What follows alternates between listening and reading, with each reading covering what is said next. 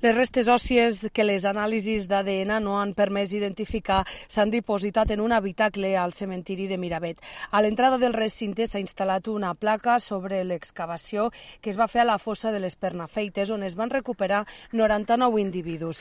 La consellera de Justícia, Lourdes Ciuró, ha presidit l'acte. A les restes se'ls va fer l'anàlisi d'ADN i l'anàlisi antropològica i a través del programa d'identificació genètica hem treballat per identificar-les. Però no ha estat possible. Malgrat això, avui els homenatgem i ho fem pensant que podrien ser familiars de qualsevol de nosaltres. Avui, enmig d'aquest paisatge i d'aquesta orografia tan durs com la mateixa batalla de l'Ebre, entre el riu i les serres de pàndols i cavalls, recuperem una part de la nostra història. Abans Ciuró ha visitat la fossa de Santa Magdalena de Mora d'Ebre.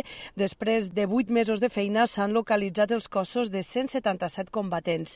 A les Pernafeites i a Santa Magdalena s'ha constatat que es van instal·lar hospitals de l'exèrcit republicà durant la batalla de l'Ebre.